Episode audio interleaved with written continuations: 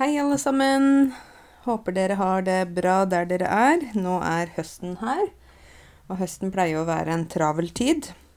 Grunnen til at jeg ikke har laget podkast på over en måned, er fordi jeg har giftet meg. og i den forbindelse så har det vært mye eh, forberedelser før bryllupet. Mange ting å ordne. Og da har jeg rett og slett hatt fokus på det. Så eh, jeg skal ikke fortelle så mye om bryllupet mitt, fordi det har jeg lyst til å holde privat. Eh, men jeg kan si at det var et veldig fint bryllup og en fin feiring, og at jeg nå er veldig godt gift og fornøyd med det.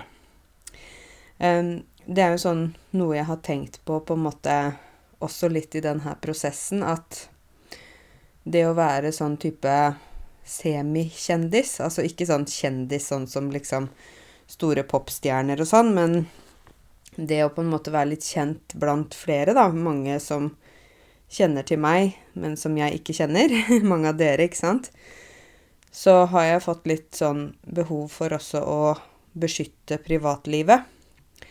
Fordi eh, jeg kan være personlig og fortelle om mange ting som jeg tenker på, og ja, mye sånt, men, eh, men noen ting vil jeg også holde privat. Og det har jeg tenkt litt på at um, de som er sånn skikkelig kjendiser, da, uh, ikke sant, de, de, får jo ikke ha et privatliv. Ikke sant? Det kommer uh, paparazzoer og tar bilder av barna deres. De blir tatt bilde av på ferie. De blir tatt bilde av når de er i joggedress. ikke sant? Sånne hele tida. Så uh, jeg tenker at dere kjenner jo meg, jeg forteller om mange ting som jeg opplever, og ja, mye jeg tenker på og sånne ting, men noen, noen, ting har jeg lyst til å holde privat. Så når vi hadde bryllup, så sa vi til gjestene at eh, eh, dette bryllupet er en privat fest. Så vi vil ikke at noen skal drive og eh, filme og legge ut på nett og sånne type ting. Og det er litt sånn forskjellig hva folk liker, da, ikke sant. Noen vil ha hele livet sitt ute på nett. Eh, andre vil på en måte ikke ha det. Eh, det er veldig forskjellig. Eh, jeg kjenner at jeg har behov for å ha Liksom dele det som er eh, det jeg tenker på og sånn, men at det, det som er privat og mitt privatliv og sånn, det har jeg behov for å beskytte. Altså det, jeg, det er ikke offentlig informasjon. Så det er sånn som jeg har tenkt litt på denne tiden her, da, før bryllupet, ikke sant, at nei, jeg, jeg, vil ikke dele det med hele verden, hvordan det er. Det er liksom Nei, det er mitt privatliv. Så ja. Sånn, sånn er det blitt. um, jeg kan jo fortelle eh, Det var én ting som skjedde i bryllupet som jeg kan fortelle, som jeg bare tenkte er viktig at dere vet. Og det er jo litt sånn forskjell fra norske bryllup til bryllup i andre land og kulturer. er jo det med at i Norge så er det sånn at man må bli invitert i bryllup. Det er ikke bare sånn at man kan liksom sant, bare bli med, eller hvis man er nabo, sant, bare gå inn og bli med på festen. Og vi hadde jo et par sånne erfaringer med noen som kjenner noen som kjenner noen, ikke sant. Eh, som var på bryllupet, men som ikke var invitert som gjester. Og de kom og spurte hvor skal jeg sitte.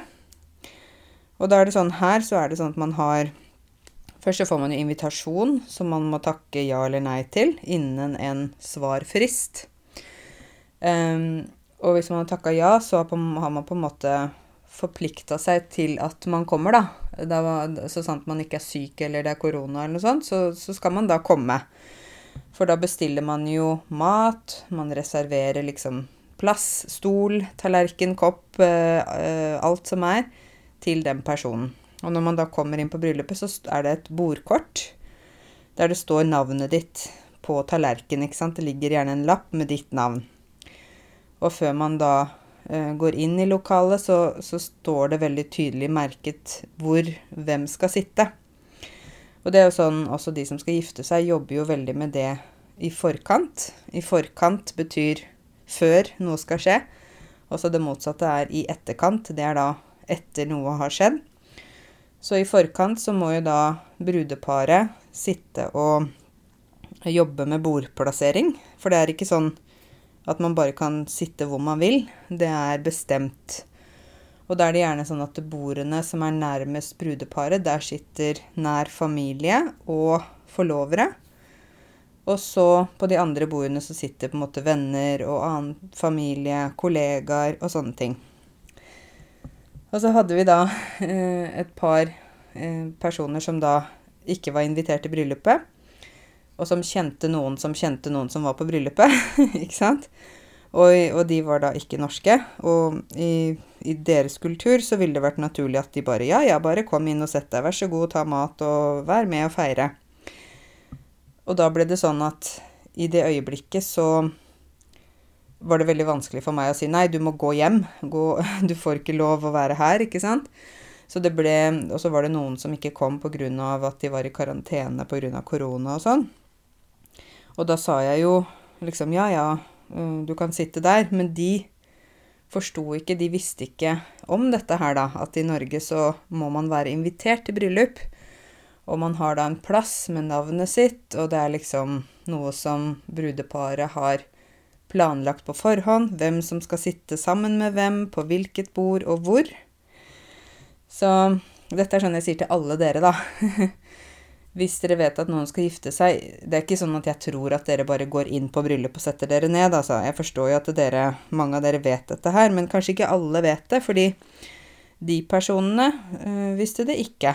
Og de var egentlig personer som har vært i Norge lenge, og som jeg kanskje tenkte at ja, selvfølgelig vet de dette her, men det visste de ikke. Uh, og da ble det sånn at jeg på en måte, jeg og, og min mann måtte da ta, hen, liksom, ta stilling til. Å ta stilling til noe betyr at man må uh, liksom vise hva man mener, da. Eller hva man bestemmer. Så vi måtte ta stilling til det, hva vi skulle gjøre med de personene akkurat der og da. Og da ble det jo til at vi bare sa ja, ja, ok, du kan sitte på det bordet der fordi det er en ledig plass. Men de burde jo skjønt det sjøl, når de ikke har navn der, og de ikke har fått invitasjon. Men så tenker jeg kanskje de tenker at de ikke trenger invitasjon. Uh, ikke sant? Så, så, til alle sammen. Norske bryllup er uh, selvfølgelig annerledes fra andre bryllup. Uh, man må få invitasjon på forhånd. Man må takke ja eller nei. Man må si om man kommer eller ikke innen fristen som står på invitasjonen. Når man kommer i bryllup, så det står gjerne på invitasjonen hva slags antrekk, hva slags klær man skal ha på seg. Gjerne står det antrekk pent. Altså dress på menn eller pene kjoler på damer. Uh, og så sitter man da på bord, hvor det er bestemt hvor man skal sitte. Så uh, hvis dere ikke visste det, så lærte dere noe nytt. Og hvis dere visste det, så, så har jeg bare repetert noe dere visste. Men sånne ting, da, når det gjelder kultur, ikke sant, det er sånn man Hvis man ikke blir fortalt, så vet man jo ikke det. Jeg har jo også gjort mange slags såkalte feil når jeg har vært i andre kulturer der jeg ikke har visst hva som er på en måte det vi kaller for skikk og bruk. Skikk og bruk er liksom det man skal gjøre, måten man skal oppføre seg på, hvordan man skal være. Uh, og da har jeg kanskje gjort feil, kanskje jeg har tatt på meg feil klær som ikke passer. Jeg har hilst på mennesker jeg ikke skal hilse på. Jeg har satt meg på plasser jeg ikke skal sitte. Jeg har begynt å spise før vi skulle begynne å spise. Sånne type ting. Og det tenker jeg er viktig at dere får informasjon om, da. Uh, fordi det kan jo være veldig forskjellig. Jeg så på flere av mine venner i bryllupet som da ikke opprinnelig kommer fra Norge. For jeg har jo veldig mange venner fra veldig mange land. Uh, og flere av de sa jeg har aldri vært i norsk bryllup før, Karense, hvordan gjør vi dette her? Uh, og da måtte jeg liksom lære dem litt om hvordan skikk og bruk er her i Norge når det gjelder bryllup. Blant annet det at man har uh, Man gir gaver, og da gir man ikke alltid bare penger. Da er det gjerne sånn at brudeparet har laget en gaveliste på et av disse her Eh, stedene der man kan kjøpe ting til hjemmet. Det kan være f.eks. Eh, Christiania Glassmagasin. Det kan være Kitchen er en annen butikk. Det kan være Til bords er en annen butikk. Det kan være ja, eh, alt fra Hadeland glassverk til Illums bolighus. Altså sånne steder der man kan kjøpe ting til hjemmet, da. og da lager brudepar en bryllupsliste og de setter sammen ting som de mener at de trenger. For eksempel For da skal man jo starte livet sammen, ikke sant? Og da trenger man kanskje ja, kopper, asjetter, øh, vaser til blomster. øh, pynteting. Det kan være også håndklær til badet. Litt finere håndklær. Det kan være øh, sånn som vi f.eks. ønsket oss også trær og planter fordi de var stor hage. Uh, og så selvfølgelig penger er det jo også vanlig å gi. Men um, ofte så går man da inn på den bryllupslisten som ligger på nett. Og så um, finner man, da går man inn i den butikken og sier ja, du skal gjerne se på bryllupslisten til f.eks. Ola og Line. Og så sier man etternavnet, og så sjekker de. Ja, vent litt, nå skal vi se. Ja, her er listen deres. Og så ser man da hva de ønsker seg, for da har de allerede bestemt hva de ønsker seg. Og så har man jo selv en på en måte pris, hva man tenker å bruke på gave, f.eks. 500 kroner. Og da kan man se på den lista på f.eks. da Kitchen, den butikken som heter Kitchen, hva Lina og Ola ønsker seg. Kanskje de ønsker seg en tekanne. Kanskje de ønsker seg en spesiell vase eller en uh, skjærefjøl til grønnsaker og sånn. Og så kan man da kjøpe noe fra den listen. Og når man da har kjøpt noe, så markerer de i butikken at det, her er det allerede kjøpt noe. Så hvis man f.eks. ønsket seg én vase, da, ikke sant, av en spesiell type. Så hvis du kjøper den vasen, da registrerer butikken at den vasen er nå kjøpt. Og da er det sånn at andre gjester da eh, ikke kjøper den, fordi den er allerede kjøpt av en annen gjest.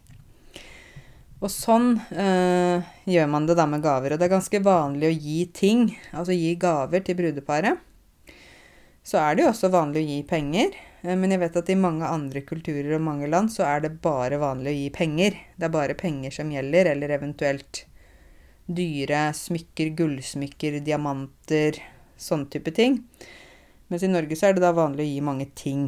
Ting til hjemmet. Ting som brudeparet får sammen. Eh, så vi hadde jo et gavebord der alle gavene ble satt frem, sånn at gjestene kunne se hva vi hadde fått. Og så hadde jeg to venninner, to norske venninner, da, for de kjenner jo til dette her. De satt og registrerte alle gavene i en bok, og så satte de nummer på gavene og nummer i boka, sånn at uh, vi vet hva vi har fått av hvem. Og når vi eh, Når det har gått en stund, så får jo vi bildene fra fotografen. Og da velger vi et av de bildene som vi skal bruke til takkekort. Det tror jeg også er litt annerledes eh, fra hvordan det er i andre land. For da skal vi sende takkekort til de som var på bryllupet, og de som har gitt gave. Det kan også være folk som ikke var på bryllupet, som likevel ga en gave, da. Men da skal vi takke spesifikt for det vi har fått. Og da må vi se på den boka og se på den lista, f.eks. Eh, kjære Marianne og Trond. Eh, tusen takk for vasen vi fikk til vårt bryllup. Eh, takk for at dere var med i bryllupet vårt, f.eks. Klem fra f.eks. Mari og Stian. Ja, det er bare et eksempel, da. Og da er det et bilde av Mari og Stian, og dette sendes i posten til da Marianne og Trond, som var gjester. Så da får de liksom et fint bilde av brudeparet, og så får de en takk for den gaven de ga. Og det er derfor det er så viktig å holde kontroll da, på hvem som har gitt hva. Så det er liksom, i hvert fall fra norske gjester, så er det en forventning. Det betyr at de allerede vet og tenker på at eh, brudeparet kommer til å sende takkekort, og de kommer til å takke spesifikt for det de fikk. Mens kanskje dere, som kanskje ikke er vant til dette her, dere forventer ikke et takkekort. Dere forventer ikke noe bilde av brudeparet. Men det får dere, altså, hvis dere er med i norsk bryllup. Da får dere et sånt takkekort uh, senere. Det kan ta litt tid før det kommer, fordi fotografen må jo liksom Eh, bestemme bilder og jobbe med det. Men det er uh, sånn vi gjør det, da. Så uh, flere av mine venner eller mine Ja, hva skal jeg si De som var i bryllupet som ikke hadde norsk bakgrunn, de var sånn Oi, det er gavebord! Så spennende! Så spennende å se på alle gavene. Og så ja, for meg er det helt vanlig, ikke sant? så det er sånn småting, da, som man ikke vet, men som på en måte man må lære seg hvis man ikke vet, da. Ja um, Hva skal jeg si? Nei, så det har vært en travel tid, og det er jo mye forberedelser og mye å tenke på og mye å Ja. Men jeg tror det er også sånn når man skal ha sånne store fester eller samlinger av mennesker, eller man har en anledning Anledning betyr det er liksom en spesiell eh, tid, eller det er noe som skjer. Hvis man har en anledning til på en måte et eller annet som skal skje, da. Det er en spesiell anledning. Det kan være uh, stort uh, bursdagsselskap. Det kan være familiefest. Det kan være bryllup. Kan være dåp. Kan være navnefest. Det er mange ting. Da uh, er det jo mye å ordne på forhånd. Og man jobber veldig hardt, for liksom man må bestille mat, man må, må drikke, man må finne ut hvor man skal være. Man må, det er mange ting man må gjøre. Og så, uh, når, når, det er ferdig, ikke sant, når festen er over, så blir det sånn Åh, puster man lettet ut. Og så blir man også gjerne litt sånn Oi, er det over allerede? Wow, det gikk fort, eller ikke sant? Så kan man nesten ikke tro at det er ferdig, da. Men det er det. Så ja. Det er alltid sånn Alltid når det er store arrangementer og sånn. Før så er det masse forberedelser, så etterpå så er det sånn Vi kaller det jo litt for sånn antiklimaks, egentlig. Man går helt opp til toppen. 'Å, nå er det den store dagen.' Og så bam, nå er vi ferdig. så det blir veldig stor kontrast, da. Ja. Men uh, ellers så kan jeg si at uh, jeg er fullvaksinert. Det er jeg veldig fornøyd med. Uh, Syns det var fint å få jeg fikk faktisk eh, vaksinedose nummer to, Pfizer, en måned før jeg egentlig skulle. Så det var jeg veldig glad for. Så jeg gikk og så tok den. Uh, og så ble jeg ikke dårlig, jeg ble bare litt uvel. Å være uvel betyr at man er, ikke føler seg helt bra, men man er ikke sånn veldig syk heller. Jeg ble litt uvel. Og så fikk jeg veldig vondt i armen. Så den dagen og dagen etter var det sånn at jeg kunne ikke løfte armen. Den føltes liksom veldig sånn øm og tung. Men på dagen etter der igjen så var det helt bra. Da hadde jeg ikke noe, ikke noe sånne problemer egentlig i det hele tatt. Så nå er jeg fullvaksinert og tenker på nå Nå, dere. nå er det på tide med noe reise et eller annet sted. For nå er jeg veldig sånn uh, Jeg er utsultet på reise. Å være utsultet betyr at man er så sulten at man Det er akkurat som man ikke har spist på 100 år. man vil ha mat, ikke sant? Så hvis jeg sier at jeg er utsultet på reise, så betyr det jeg vil ha reise. Jeg vil reise nå. Eh, så hvor skal jeg reise? Eh, det skal vi finne ut av. Jeg driver og tenker på litt forskjellige steder. Eh, jeg tror ikke jeg kommer til å reise sånn kjempelangt av gårde med en gang. Bare begynne litt sånn i det små. Og så etter hvert så blir det Finner jeg sikkert en eller annen eh, ja, vei tilbake til reiselivet. Dere vet at jeg elsker å reise, ikke sant? Sånn at for meg, det at jeg da ikke fikk reist eh, på så lang tid Jeg må jo si at jeg syns det var litt vanskelig. Det var litt sånn kjipt. det at noe er kjipt, det betyr at det er kjedelig, dumt, ikke bra, ikke hyggelig. Ja. Så ja. Eh, jeg må fortelle kort eh, også at jeg var eh, Det var jo i august i Skal vi se Jeg dro 11. august til Stad, Nordfjordeid. Kanskje noen av dere bor der? jeg var der i fjor, og så fikk jeg en så hyggelig henvendelse. En henvendelse har jeg sagt før til dere, tror jeg, men det er når noen kontakter deg. Så jeg fikk en hyggelig henvendelse her i sommer, der de spurte om jeg kunne komme tilbake og ha øh, nytt foredrag for lærerne. Så det sa jeg selvfølgelig ja til. Det syns jeg var veldig hyggelig og spennende. Så jeg øh, var der i tre dager. Og så når jeg kom da på onsdagen, så hadde de laget en plan. Og det var det at vi skulle gå opp til en sånn topp, et sånn som heter sånn um, dagsturhytte. Uh, og de er plassert der, sånne hytter som er plassert rundt omkring i landet. Jeg tror det er ganske mye på Vestlandet. Eh, jeg vet ikke hvor, om det er i hele landet, men det er i hvert fall en hytte som er eh, satt opp Som ikke er en hytte man kan sove på. Det er ikke noe toalett og sånt noe der, men det er en hytte man kan liksom være på sånn da, uh, på dagtid, da. Det er gjerne noen bøker der, det er kanskje liksom noen stoler eller benker man kan sitte på inni der. Uh, fin utsikt. Så vi gikk eh, opp dit. Jeg tror det het Naustdalskamben, hvis jeg ikke tar helt feil. Det var så langt og vanskelig ord. Og så gikk jeg med en av lærerne eh, fra eh, voksenopplæringa på Stad og en annen eh, rektor på Gloppen voksenopplæring. Og hun læreren fra Stad uh, var så sprek. Det å være sprek betyr at man er uh, i god form fysisk. Det er så gjerne noe vi bruker når vi snakker om eldre mennesker som er i god form, selv om de er eldre. At han er en sprek mann. Men også om, om yngre folk, da. Men hun var så sprek, og hun gikk som en fjellgeit. Dere vet geit? Det er sånn ikke sau, ikke ku, men med skjegg og så to horn geit. Vi lager jo brunost av geitemelk.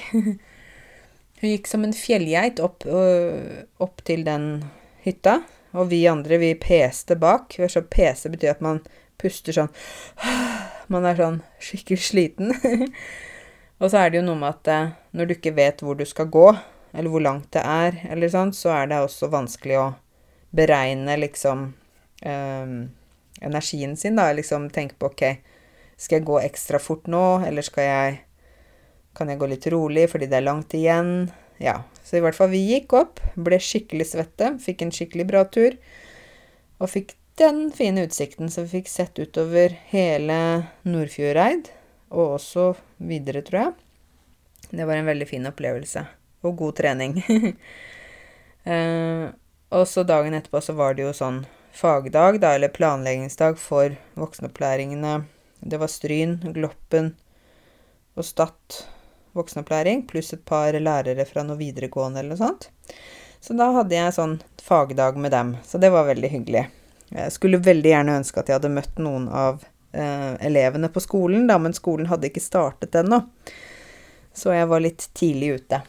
Men eh, det er i hvert fall veldig fint å kunne reise litt rundt igjen. Det blir jeg så glad for, for det er sånn hvis du bare sitter alene foran en skjerm og ikke treffer mennesker, vi vet jo det alle sammen, så blir man jo litt sånn I hvert fall hvis du er en sosial person, så blir du jo litt lei. Å være lei av noe er ikke det samme som å være lei seg. Å være lei, da er man litt sånn Åh, det her er kjedelig. Det er ikke spennende. Det er eh, Jeg vil ikke gjøre dette mer. Å være lei seg, det, da er man trist og gråter. Så det er Ikke sant. Det ene er eh, å være lei. Jeg er lei av noe. Jeg er lei av jobben min. Jeg er lei av regnvær. Jeg er lei av Norge. og det andre er jeg er lei meg. Jeg er lei meg fordi eh, korona har begrenset meg så mye. Jeg er lei meg fordi en person jeg kjente, døde. Ja, dere skjønner forskjellen. Så det er godt å kunne reise litt rundt igjen. Det syns jeg er deilig. Og så er det jo nå i morgen, 13. Eh, september, er det valg. Det har jo vært forhåndsvalg inntil nå nylig.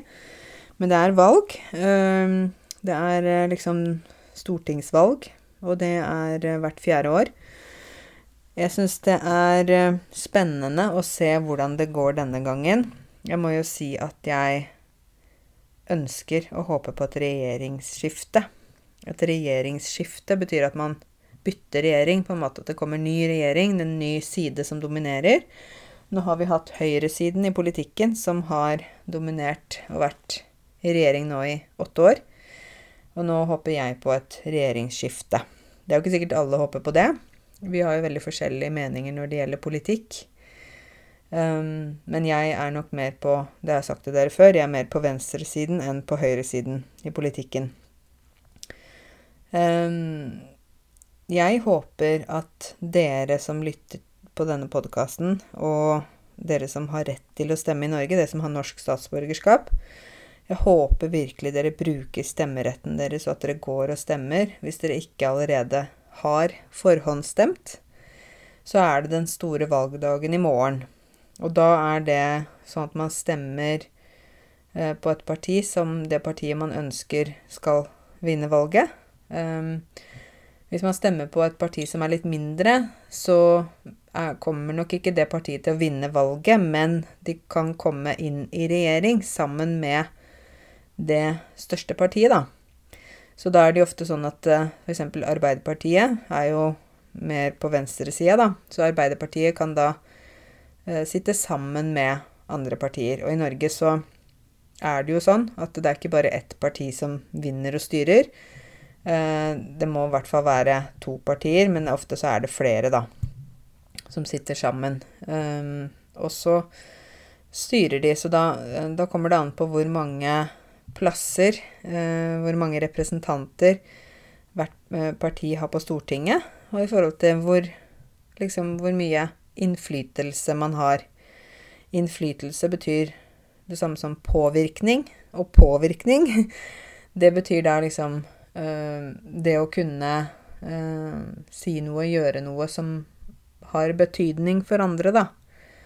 Ikke sant? Som jeg har kanskje påvirkning på dere øh, når jeg sier 'håper jeg', da. Jeg håper det.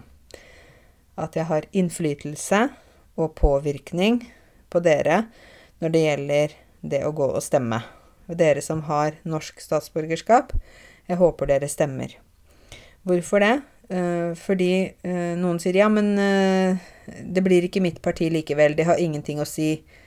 Det er, det er ikke viktig min stemme betyr ingenting. Men jo, det er faktisk sånn at alle stemmer teller. Og det kan også være stemmer som avgjør i valget. Hvis det er to partier der det er veldig, veldig jevnt, ikke sant, la oss si Høyre og Arbeiderpartiet, som er de to største partiene Hvis det er veldig jevnt at stemmene de får, at det er liksom, ikke sant, veldig nesten det samme antall, Selvfølgelig da har jo de stemmene som kommer inn, noe å si. For det kan faktisk avgjøre hele valget.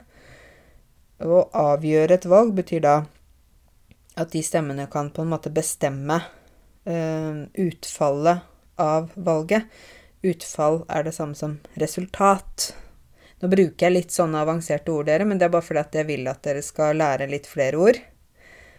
Ikke sant? Så jeg, istedenfor å si bestemme, bestemme, bestemme, så sier jeg da avgjøre. Ikke sant? Avgjøre valget. Og derfor er det viktig at alle som kan stemme, gjør det. Um, og fordi at hvis man har et ønske om hvordan noe skal være, uh, eller har et ønske og vet hvordan man tenker ting ikke skal være, så må man i hvert fall gjøre noe aktivt selv. Og hvordan man kan gjøre noe aktivt med det, er jo at man stemmer. For hvis man bare sier 'nei, jeg liker ikke Høyre', jeg liker ikke deres politikk, og de er ikke menneskelige, og de bare tenker på business og skatter og bla, bla, bla, og så har man da kanskje ikke stemt ved stortingsvalget, selv om man kunne, da tenker jeg Da kan man ikke klage. For da har man faktisk ikke gjort den innsatsen, da. Så jeg tenker at det er viktig å er viktig å bry seg.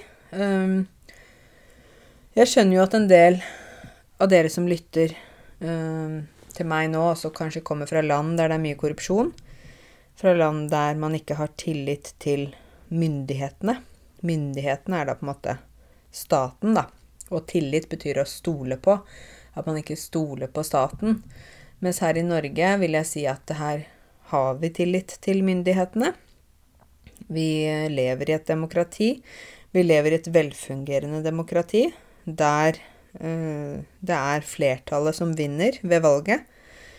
Um, vi har ikke juks når det gjelder uh, det å stemme. At det er veldig, veldig strengt hvordan man stemmer.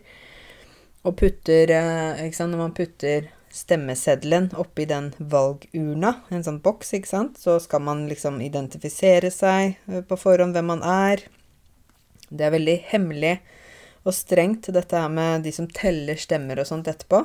Det er ikke noe som man kan bare sitte og liksom OK, vi, vi tar den stemmen, vi fjerner de og sånn. Men i mange land så er det jo sånn at uh, Særlig der det er diktatorer, da. Så er det sånn Oi, wow, han fikk 99% av stemmene, og alle er så glad i denne presidenten. Det er sånn, vet du hva, det, det går ikke å få 99% av stemmene, fordi Mennesker har forskjellige meninger.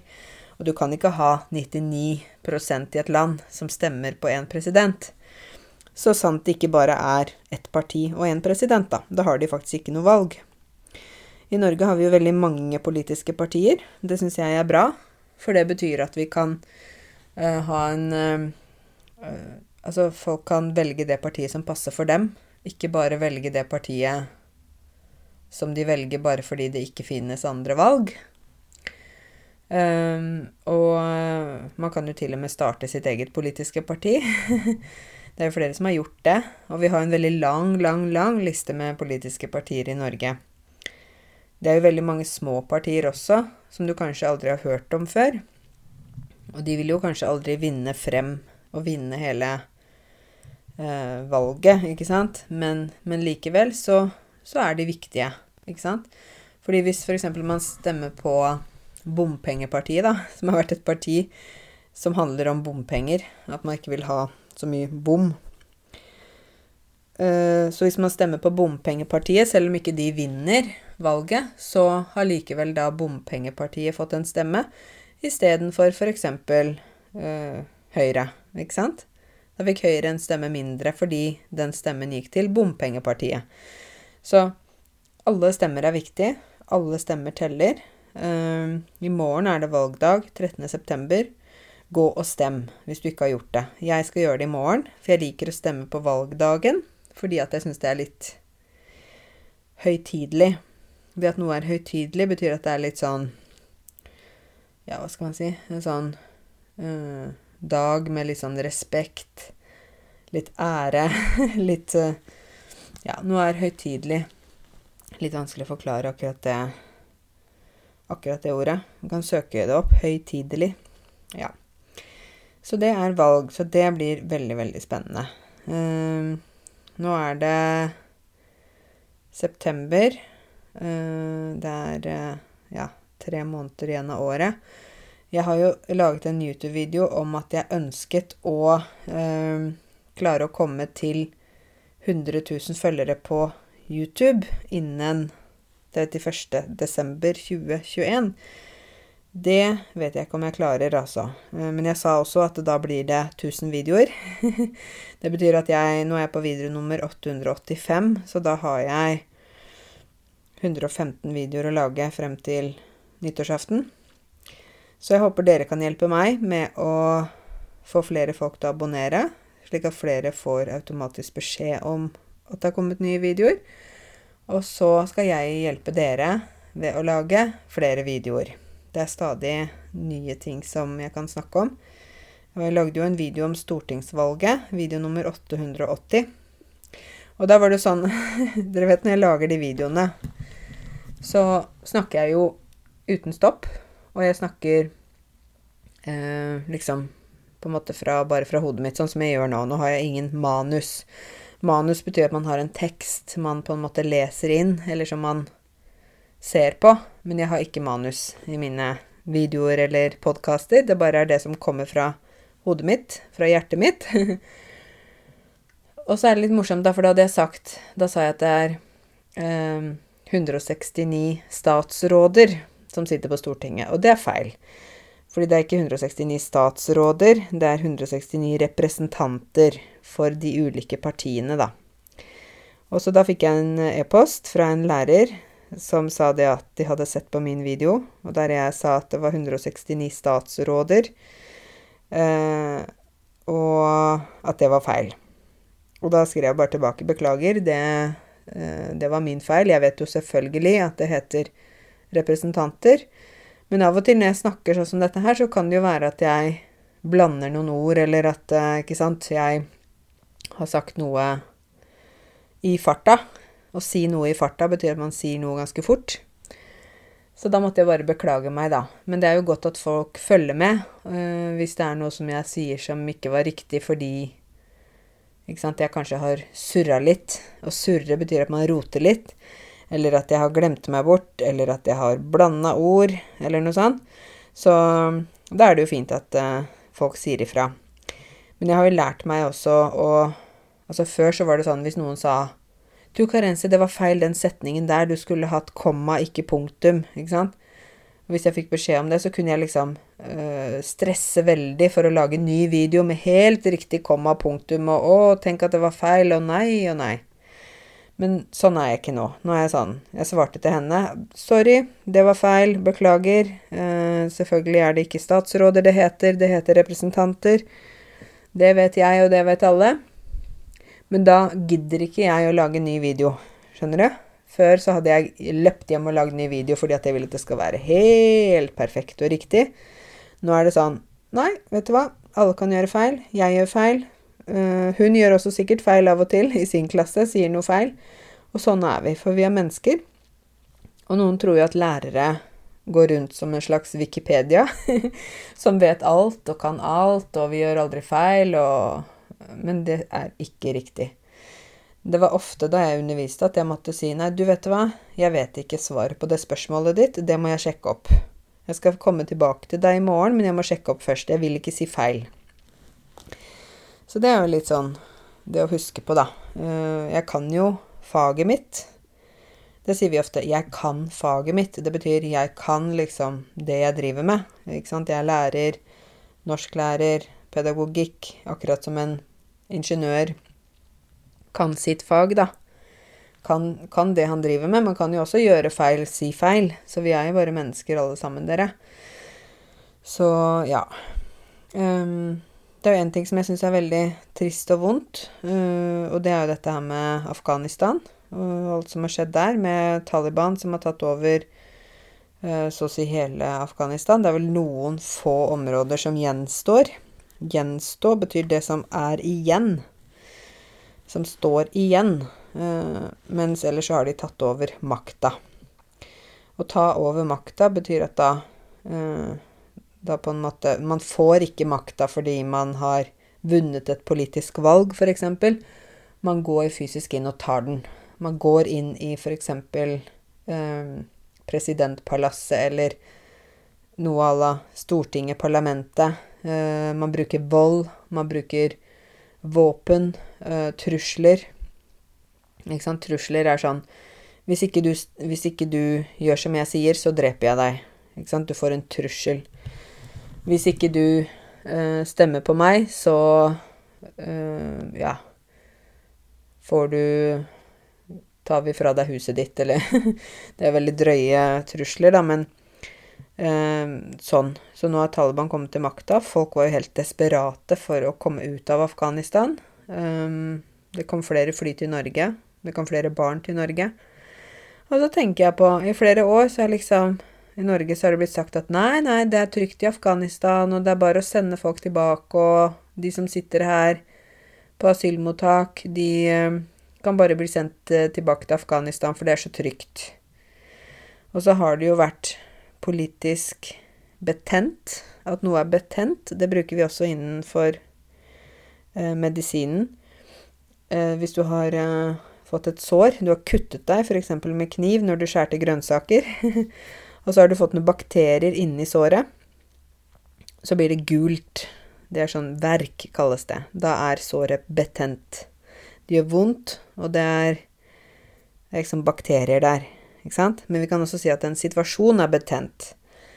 Og situasjonen i Afghanistan har vært veldig betent eh, i lang, lang tid. Eh, og det at nå eh, så har det jo blitt veldig utrygt der igjen. Taliban har tatt over. Eh, det er jo bare Ja, jeg syns det, det, er som liksom det er som et mareritt. Og jeg tenker på nå i de liksom, siste årene så har kvinnene fått flere rettigheter igjen. Det begynte å gå tilbake til et mer moderne, fungerende Afghanistan, og nå så er det liksom Taliban som er i makta igjen. Jeg syns det er trist. Jeg syns det er vondt.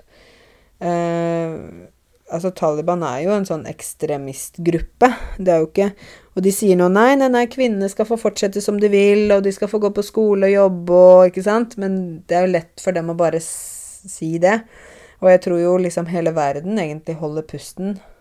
Å holde pusten, det forstår du, det er sånn Hvis jeg ikke puster, ikke sant? Men jeg kan si å holde pusten uh, fordi jeg er nervøs. Altså, det er et uttrykk, da. At du holder pusten fordi du venter på hva som skjer. Hva er resultatet? Og jeg tror hele verden holder pusten når det gjelder Taliban, og hvordan de skal styre Afghanistan nå. Uh, Afghanistan var jo et fritt land. ikke sant, så På rundt 70-tallet og sånn, så var det jo uh, fritt. Det var liksom Kvinner og menn studerte på universitetet, man kunne gå med hva man ville av klær. Det var liksom samme som Iran, um, på samme måte. Og så kom da sant, Taliban inn. Uh, og dette er jo mye påvirkning også fra andre land. Det er jo ikke bare Afghanistan alene, men det er mange som har på en måte vært med og blandet seg inn der, sånn at uh, konflikten har blitt veldig betent. Uh, og jeg syns det er veldig trist å se at samfunn går veldig tilbake da, i utvikling. Ikke går frem, ikke sant. Ikke, ikke er uh, progressiv, men det heller er regressiv, at det går tilbake i utvikling. Det blir strengere, mer gammeldags, mindre liksom kvinnevennlig, ikke sant. Eh, det gjør meg vondt. Det syns jeg er veldig trist. Ehm, jeg husker jeg hadde en eh, student fra Afghanistan en gang jeg jobba på Nav. Og hun eh, Nydelig, vakker dame. Hun var så, husker hun var så vakker. Hun var rundt 50 år. Ehm, og hun hadde seks barn på den tiden jeg underviste, da. Og hun hadde Hun hun klarte ikke lære seg så mye norsk fordi hun hadde så store traumer fra Taliban, da, fra Afghanistan. Uh, hun sov liksom kanskje én time om natta. Hun våkna, hun tenkte på at Taliban kommer. Hun, hun klarte liksom ikke å Hun sov ikke. hun hadde så problemer med å lære, fordi at når du ikke får søvn, uh, ikke sant, så er det også vanskelig å konsentrere seg. Og jeg husker bare hun sa Å, Karense, før så var var Afghanistan var et fantastisk land. Vi har masse flott natur, fine mennesker, masse kultur, musikk, deilig mat. Eh, masse historie. Og så kom Taliban inn og bare ødela hele landet vårt. Og når hun snakket om det, så hadde hun tårer i øynene. Altså, jeg glemmer det ikke, hvordan hun snakka om det. Og jeg tenker liksom, nå er vi tilbake igjen. Så dere, det er vi mennesker som ødelegger oss selv, altså. Det er vi som ødelegger vår egen verden. Jeg syns det er trist. Jeg syns det er veldig trist.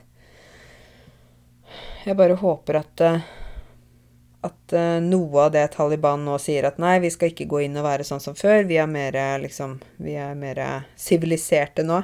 Jeg bare håper at noe av det stemmer, da. At det ikke er sånn at de kommer til å øh, kneble folk å kneble, du vet det, det betyr når man binder hendene og binder føttene, slik at man ikke kan gå. Og så man får gjerne sånn noe sånn i munnen, sånn at man ikke kan snakke. Man blir kneblet, og man da må sitte ned på bakken. Jeg håper ikke at de knebler hele folket i Afghanistan. Så masse kjærlighet til Afghanistan fra meg. og fra alle dere afghanere i Norge. Jeg tenker på dere. Jeg skjønner at dette er tøft, og at dere har familie, venner, eh, bekjente der i Afghanistan. Og ja, jeg tenker på dere. Dette her er ikke lett. Uh, ja, det var et hjertesukk fra meg. Du vet, sukk, det er sånn Og så hjertesukk er sånn når hjertet på en måte sukker, da. Hjertet er trist. Mm. Nei, nå tenkte jeg at jeg skulle gå ut i hagen og rake litt. Uh, vi har nemlig byttet tak rett før uh, bryllupet. Dere vet, jeg er sånn Jeg er sånn Vennene mine kaller meg sånn Jeg er ekstremt sånn har veldig mye pågangsmot, da. Hvis jeg skal gjøre noe, så skal det gjøres. Og det skulle gjerne vært gjort i går. Og jeg liker ikke vente. Jeg liker ikke å ta lang tid. Hvis jeg bestemmer meg for noe, så må det skje. um, Så vi byttet tak før bryllupet, og da, uh, tok de, da var det disse her to flinke fra Litauen igjen som gjorde det. Jeg ville bare ha de til å gjøre jobben, for jeg vet at de er kjempeflinke. Så de satte opp stillas, stillas utenfor huset, sånn som de kan klatre opp, ikke sant. Og så begynte de å ta av takplatene. Det var sånne metallplater. De var ø, egentlig svart farge, men pga. sola så hadde de blitt ø, grå og rustne. Rust sånn som skjer med metall når det blir brun farge, ikke sant. Det ruster. Så tok de av takplatene, og under der så var det tre gamle treplanker. Og de treplankene var råtne. De var pil råtne.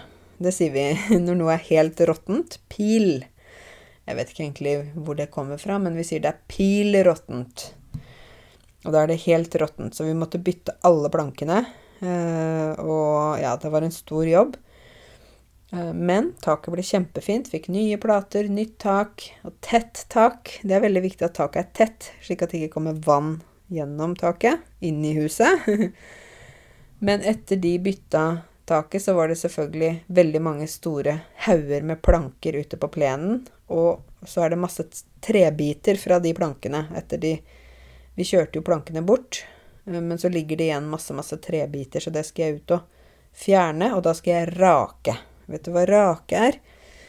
Rake er det vi gjør når vi skal fjerne løv, altså blader fra trærne, ikke sant? Da raker vi bruker en rake til å rake sammen alt løvet. Så nå skal jeg rake sammen alle disse trebitene som ligger på plenen. Fordi hvis vi klipper plenen og får sånne trebiter inn i motoren på gressklipperen Da blir det mange rare ord her, dere. Da blir, kan motoren bli ødelagt. Det var også gamle, mange gamle spikere og skruer. Spiker sånn som man banker inn i plankene for at plankene skal sitte. Nails heter det på engelsk. Så jeg må gå og plukke spikere og rake sammen plankebiter.